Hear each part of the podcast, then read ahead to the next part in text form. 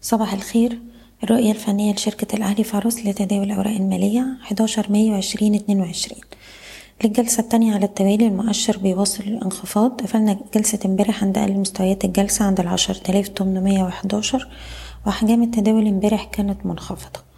دلوقتي إحنا عندنا مستوى دعم عند العشر تلاف وسبعمية بنركز على المستوى ده من الوارد ان إحنا نشوف تماسك ومحاولات ارتداد منه وفي الحالة دي هيبقى عندنا فرصة إننا نجرب على مستويات المقاومة عند العشر تلاف وتسعمية ويليها مستوى الحداشر ألف ومتين الارتداد في الوقت الحالي هنستغله كفرص لتخفيض المراكز خصوصا الناس اللي معاها مارجن وانتظار إشارة شراء جديدة.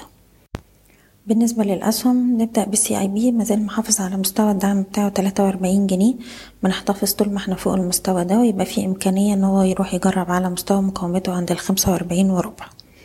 أبو قير عنده دعم دلوقتي عند ستة وعشرين ستين. التماسك فوق المنطقة دي خليه يروح يجرب على مستويات السبعة وعشرين ونص مرة تانية. سهم e-finance مازال متماسك آخر جلستين فوق مستوى السبعتاشر ونص رغم تراجعات السوق. شايفين التماسك فوق المنطقة دي يخليه يجرب على مستوى المقاومة عند التمنتاشر وربع وعندنا دعم رئيسي عند السبعتاشر جنيه. القبضة الكويتية بنحتفظ فوق أقرب مستوى دعم عند الدولار تسعة وعشرين وشايفين السهم بيستهدف الدولار تلاتة وتلاتين. مصر الجديدة للإسكان عندنا دعم هام عند الخمسة ونص بنحتفظ طول ما إحنا فوقيه ويبقى فيه إمكانية نجرب على خمسة خمسة وتسعين. المجموعة المالية هرمس بنركز على مستوى الدعم التالي عند خمستاشر جنيه وسبعين قرش. ممكن يحصل تماسك وارتداد من المستوى ده وفي الحالة دي أقرب مقاومة هتكون عند ستاشر جنيه وتمانين قرش.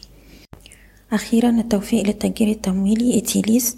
بنحتفظ بالسهم فوق مستوى دعمه تلاتة جنيه خمسة وستين وشايفين إن هو يروح يجرب على مستويات الأربعة والأربعة جنيه وعشرين قرش.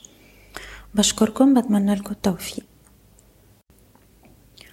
إيضاح الشركة غير مسؤولة عن أي قرارات استثمارية يتم اتخاذها بناء على هذا التسجيل. شكرا.